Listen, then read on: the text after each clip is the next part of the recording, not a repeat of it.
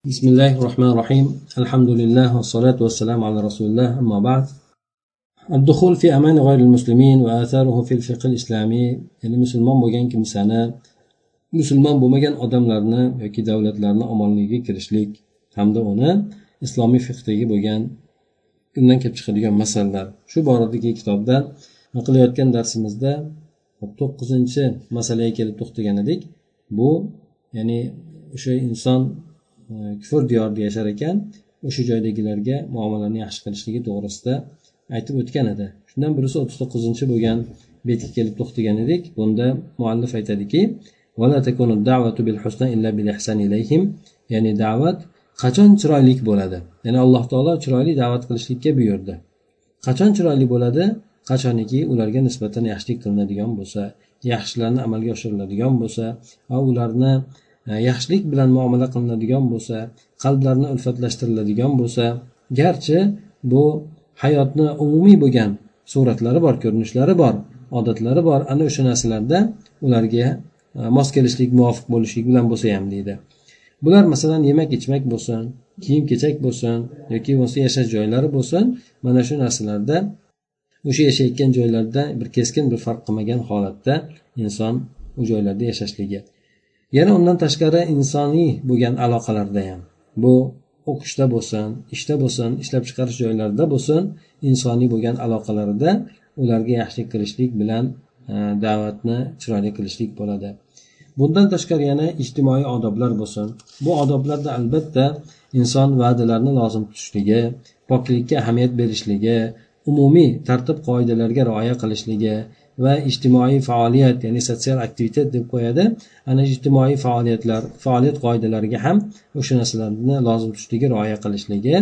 Mana shu narsalar bilan ularga bo'lgan da'vat chiroyli bo'ladi deydi.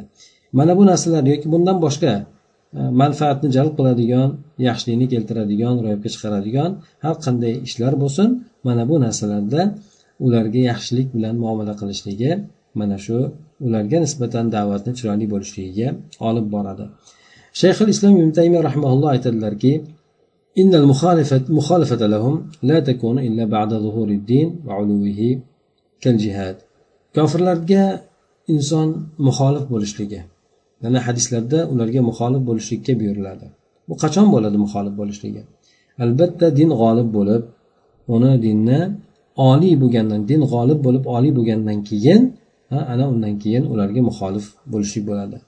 Yoki bo'lmasa u kimsalarni ya'ni ahli kitob bo'lgan kimsalarni jizya to'lashlikka yoki o'zini pastroq tutishlikka majbur qilgandan keyin bo'ladi. Musulmonlar ishni avvalda zaif bo'lganlar ya'ni makkada turgan paytlarida zaif edilar. Shuning uchun musulmonlarga o'sha makkada turgan kofirlarga nisbatan muxolif ish tutishlikni mashru qilinmagan. Ularga zid holatlarda bo'lishlikni ularga muxolif suratda bo'lishlikni e, mashru qilinmagandir. Din endi mukammal bo'lgach g'olib bo'lib oliy bo'lgach ana o'sha narsalar ya'ni kofirlarga muxolif bo'lishlik ham mashru qilindi. Mana shunga o'xshagan bugungi kunda deydi agar musulmon odam dori harbda bo'ladigan bo'lsa yoki urush diyori bo'lmagan kufr diyorida bo'ladigan bo'lsa ularga nisbatan tashqi ko'rinishlarida muxolif suratni tutishlikka ma'mur bo'lmaydi buyurilgan bo'lmaydi. Albatta bu narsada o'sha yerda yashayotgan musulmon uchun zararlarni kelib chiqishligi mumkin bo'lganligidan. Kishilarga esa mustahab bo'ladi yoki bo'lmasa vojib bo'ladi. Albatta ba'zan ular kofirlar bilan tashqi ko'rinishlarda ishtirok etishligi bir xil bo'lishligi. Agar bu narsada diniy manfaat bo'ladigan bo'lsa ularni dinga da'vat qilishlik yoki bo'lmasa musulmonlarga xabar berishlik uchun ularni ichki ishlaridan xabar topishlik ya'ni razvedka degandek. Yoki bo'lmasa musulmonlarni zararni ularni zararini e, daf qilishlik uchun ularni ichki holatlardan xabar topishlik. Mana shunga o'xshagan solih bo'lgan maqsadlar amalga oshirilgan bo'lsa musulmon odam ulardan alohida ajrab turishligi bo'lmaydi balki alohida o'shalar bilan birga suratda bir xil suratda bo'lishligi mustahab bo'ladi yoki vojib bo'ladi deb aytib o'tadi. Albatta bu yerda mana quyida ham bu narsani biroz tafsilotini aytib o'tadi. Musulmon odam albatta kofirlarga muxolif suratda kiyim tutishligi tashqi suratlarda alohida bulardan farqli bo'lishligi bu narsalar aytib o'tilyapti. Din g'olib bo'lgan paytida bo'ladi bu narsa. Din o'sha narsani ularga lozim turadi hattoki ba'zi o'rinlarda ba'zi joylarda musulmonlar kiyimlari ham alohida bo'lgan ularni kiyimlaridan ko'ra. Bu yerdagi masalan tashqi ko'rinishdagi bo'lgan muvofiq kelishlik masalasini umumiy qonun qoidasi shu narsadan iboratki deydi. Bu bu musulmon odamni o'shalarga muvofiq bo'lishlik bironta shariatda buyurilgan narsani tark etishlikka yoki bir harom narsani qilib qo'yishlikka olib bormasligi kerak bo'ladi. Demak ularga o'xshashimiz kerak ekan yoki ulardan ajrab turmasligimiz kerak ekan degan narsa buni qonun qoidasi bor. Albatta bu buyurilgan narsani tark qilishlikka borib qo'ymaslik kerak. Ya'ni insonga farz bo'lgan vojib bo'lgan narsalarni tark qilishlikka borib qo'ymaslik kerak. Yoki bo'lmasa bironta bir harom narsalarni qilishlikka olib borib qo'ymaslik kerak. Masalan harom bo'lgan narsalar erkaklar ayollarga o'xshashligi ayollar erkaklarga o'xshashligi. Yoki bo'lmasa kofirlarga xos bo'lgan kiyimlarni musulmonlar kiyishligi ularga xos bo'lgan diniy bo'lgan xosdan kiyimlarni musulmonlar kiyib yurishligi. Mana bu narsalar harom hisoblanadi. Endi shu narsalarga olib bormaydigan bo'lishlik kerak.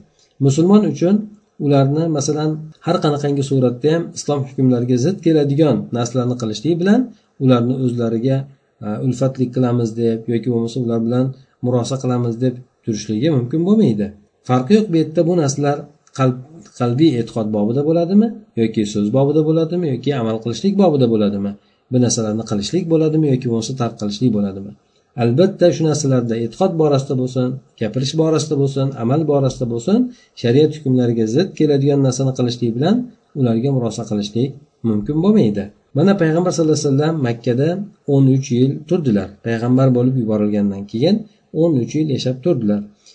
Makkalik bo'lgan mushriklarni alloh taoloni yolg'iz o'ziga ibodat qilishlikka chaqirardilar. Ana o'sha paytda payg'ambar sallallohu alayhi vasallam uchun makkaliklardan faqatgina ozchilikgina u kishiga ijobat qilgan edi. Shunday bo'lsa ham payg'ambar sallallohu alayhi vasallam ularga aralashib yurar edi ularni majlislarida ishtirok etar edi ular bilan savdo sotiq ishlarida qarz garov bo'lsin omonat qo'yishlik shunaqa ishlarda ular bilan birgalikda muomala qilaverardi. Va yeb ichishda bo'lsin kiyinishlikda bo'lsin yashashlikda bo'lsin kofirlarni o'sha holatidan payg'ambar alayhissalom alohida ajralib olmas edi ularga faqatgina alloh taoloni tavhidi yoki alloh subhanaa taoloni shariatiga bo'ysunishlik alloh taoloni dinini buyruqlarini qaytariqlarini ulug'lashlik mana shu narsalardan boshqa degan narsalarda ularga muxolif bo'lmasdi ya'ni mana shunday tavhid borasida ya'ni insonga vojib bo'ladigan tavhid bo'lsin shariatiga bo'ysunishlik bo'lsin dinni ulug'lashlik allohni buyruq qaytaruqlarni ulug'lashlik bo'lsin. E, bular mana shu narsalarda hammasi ularga muxolif bo'ladi bundan boshqa narsalarda esa ularga muxolif bo'lmasdi deydi. Payg'ambar sollallohu alayhi vasallam vahiy nozil bo'layotgan paytlarida hamda e, vahiy nozil bo'lishligidan oldin shariat hali ularga masalalarni buyurishligidan oldin ularga faqatgina o'zini sog'lom bo'lgan to'g'ri bo'lgan fitrati bosh tortadigan narsalardagina muxolif bo'lardi. Sog'lom aqli rad etadigan narsalarda xush bo'lgan nafsi nafratlanadigan narsalarda ularga muxolif bo'lardi. Ya'ni payg'ambar sallallohu alayhi vasallam din kelgandan keyin u kishini e'tiqodi shariat hamda alloh taoloni buyruq qaytaruv mana shu narsalarni ulug'lashlik shu narsalarga muxolif bo'ladigan biron narsa bo'lsa payg'ambar bo'lgandan keyin albatta u narsalarda ularga muxolif turardilar. Payg'ambar bo'lishligidan oldin esa o'zini tabiatiga mos kelmaydigan narsalarda nafsi u kishini nafratlanadigan narsalarda ularga muxolif turardilar masalan ular aroq ichadigan bo'lsa o'tirish manzillariga o'sha joylar majlislarga bormas edi. Har xil kechalari o'yin kulgi qiladigan bo'lsa bu narsalarda ishtirok etmas edi chunki u kishini sog'lom fitnati bu narsalardan bosh tortar edi. Alloh taolo payg'ambari sollallohu alayhi vasallamni johiliyatdagi bo'ladigan xunuk ishlardan uni halok qiluvchi bo'lgan kir bo'lgan narsalardan alloh taolo u kishini saqlab qo'ygandir. Mushriklar o'zlarini ichlarida payg'ambar sallallohu alayhi vasallamni rostgo'y ekanligi omonatdor ekanligi axloqlarni judayam yuksak ekanligi mana shu narsalarga ishongan bo'lganliklari uchun payg'ambar sallallohu alayhi vasallamni oldlarida huzurlarida o'zlarini omonatlarini qoldirishar edi. Rasululloh sollallohu alayhi vasallam hech qanaqangi qo'pol berahm beshafqat bo'lmaganlar. O'zini baland tutuvchi judayam bir e, sarkash bo'lmaganlar payg'ambar alayhissalom balki u kishi yumshoq ko'ngil bo'lgan qalbi nozik bo'lgan xulqi judayam yuksak bo'lgan tabiati sof pok bo'lgan rahmdil mehribon bo'lgan hamma ishlarida ana o'sha bilan alloh subhanaa taolo ham payg'ambar sallallohu alayhi vasallamni sifatlab aytadiki biz sizni butun olamlarga rahmat qilib yuborganmiz deydi yana boshqa bir o'rinda esa albatta siz buyuk xulq egasisiz yoki buyuk xulq ustidasiz judayam xulqingiz oliy darajada deb alloh taolo guvohlik beradi. Yana bir boshqa o'rinda aytadiki ya yuhannabiyu inna arsalnaka shahida va mubashiran va nadira va da'iyan ilallohi biiznihi va sirajan munira alloh taolo payg'ambar sallallohu alayhi vasallamni yuborishligidagi bo'lgan maqsadlarni aytib o'tadiki biz sizni shohid qilib yubordik guvoh qilib yubordik. Odamlarni ustida siz guvohsiz. Kimlar yaxshi kimlar yomon kimlar qanday amal qilganligi mana shu narsalar ustida siz guvohsiz. Hamda ya odamlarni yaxshilik xushxabarini beruvchisiz jannat bilan xushxabar beruvchisiz do'zax azoblaridan ularni ogohlantiruvchisiz. Biz shunday qilib yubordik sizni. Alloh taologa izni bilan da'vat qiluvchi hamda yorqin bo'lgan chiroq nur qilib sizni yubordik deb alloh taolo aytadi. Mana shunday payg'ambar sallallohu alayhi vasallamni e, sifatlari tavrotda ham kelgandir. Aytadiki u tavrotdagi bo'lgan e, u kishini sifatlaridan ya yuhannabiy ey payg'ambar biz sizni shohid qilib yubordik xushxabar eltuvchi hamda ummiylar uchun e, himoya qilib yubordik. Siz meni bandamsiz va meni payg'ambarimsiz. Men sizni mutavakkil deb nomladim. Mutavakkil deb nomlashligini sababi payg'ambar sallallohu alayhi vasallam ozgina rizq bilan ham qanoatlanuvchi bo'lganlar deb quyida ham keltirib o'tyapti. Siz demak bu payg'ambar e, qo'pol emas dag'al emas beshafqat emas bozorlarda baqirib chaqiruvchi emas hamda yomonlikni yomonlik bilan daf qilmaydi lekin afu qilib kechirib yuboradi. Alloh taolo bu millat qing'ir bo'lgan millatni tog' to'g'irlamagunigacha alloh taolo u kishini jonini olmaydi. Shunday deb aytishliklari bilanki la ilaha illalloh deb aytishlari bilan o'sha qing'ir yo'lga ketib qolgan millatni to'g'irlamagunigacha shu din mukammal bo'lmagunigacha alloh taolo u payg'ambarni jonini olmaydi deb keladi. Alloh taolo bu payg'ambarni bu risolati bilan ko'r bo'lgan ko'zlarni ochadi. Kar bo'lgan quloqlarni ochadi. Bekilib qolgan qalblarni alloh taolo ochadi. Payg'ambar sallallohu alayhi vasallam ozorlarga sabr qilishlik borasida hamda judayam chiroyli bo'lgan narsalar bilan yomonliklarni daf qilishlik borasida namuna o'rnak bo'lganlar. Bu kishini ulug' bo'lgan hurmatli bo'lgan siyratlari tarixlari judayam ko'plab misollar bilan to'lib toshgandir. Ana ulardan bitta misolni keltirib o'tishlik bilan kifoyalanaman deydi. Oysha onamizdan rivoyat qilinadiki yahudlar payg'ambar sallallohu alayhi vasallamni huzuriga keldi. Aytishdilarki assalomu alayka dedilar. Yani lomni hazf qilib assalomu alayka deb aytishdi. Ya'ni bu degani o'lim bo'lsin degani. Shunda payg'ambar sallallohu alayhi vasallam va alaykum deb aytdilar. Oysha onamiz esa jig'ibiyron bo'lib aytdilarki assalomu alaykum va va alaykum. Sizlarga o'zlaringga o'lim bo'lsin. Alloh taolo senlarni la'natlasin senlarga g'azab qilsin deb turib oysha onamiz aytadilar. Shunda rasululloh aytadilarki ey oysha shoshmang dedi. O'zingizni bosing. Ha yumshoqlikni lozim tuting. Albatta qo'pollik yoki bo'lmasa xunuk bo'lgan gaplardan chetlaning dedi. Oysha onamiz aytdilarki rasululloh ular aytayotgan narsani eshitmadingizmi? dedi. Payg'ambar alayhisalom aytdilarki siz men aytgan gapni eshitmadingizmi? Men ularga munosib javobni qilib qo'ydim. Ular borasida meni qilgan aytgan gaplarim ijobat qilinadi. Ular gaplar ular uchun esa menga qilgan gaplarida biron narsa ijobat qilinmaydi. Mana bu hadisda salom berishlikda u kishiga shu yomonlik qilgan odamlarga adovat qilib ichidagigina adovati bilan hasadi bilan e, yomonlik qilgan kimsalarga rad qilishlikda judayam bir oliyjanob bir payg'ambarlik odobi xulqi bordir. Payg'ambar sallallohu alayhi vasallam javobda faqatgina va alaykum degan kalimani aytishlik bilan kifoyalanishlikka yo'lladilar bu o'rinda. Aytgan odamga yomonlikni iroda qilgan narsasi o'zi qaytadi. Bu gapni aytgan odamga demak yomonlikni iroda qilgan narsasini o'zi qaytadi. Ya'ni o'lim bo'lsin degani payg'ambar alayhisalom senlarga bo'lsin dedi. Demak o'sha narsani o'zi bilan payg'ambar alayhissalom kifoyalandi. Bu yerda ibn battol qurtubiy rahmaulloh aytadiki mana bu hadisda islom odoblaridan buyuk bir odob bordir. Yana johil bo'lgan odamga nisbatan yumshoqlik qilishlikka kechirimli bo'lishlikka undan ko'z yumishlikka tezlashlik bordir. Chunki rasululloh alayhi yahudlarga ularni gapini misli bilan muqobil bo'lishlikni tark qildilar. Ya'ni senlarni o'ziga o'lim bo'lsin deb aytmadi. Sen e, alaykum senlarga ham bo'lsin deb qo'ya qoldi. Oysha onamizni esa javob berishlikda qo'pollik qilishlikdan qaytardilar. Aytdilarki ey oysha o'zingizni bosing. Albatta alloh taolo hamma ishlarda ham muloyimlikni yaxshi ko'radi. Umumiy gapi uchunki payg'ambar alayhisalom aytgan gapini umumiy gapiga ko'ra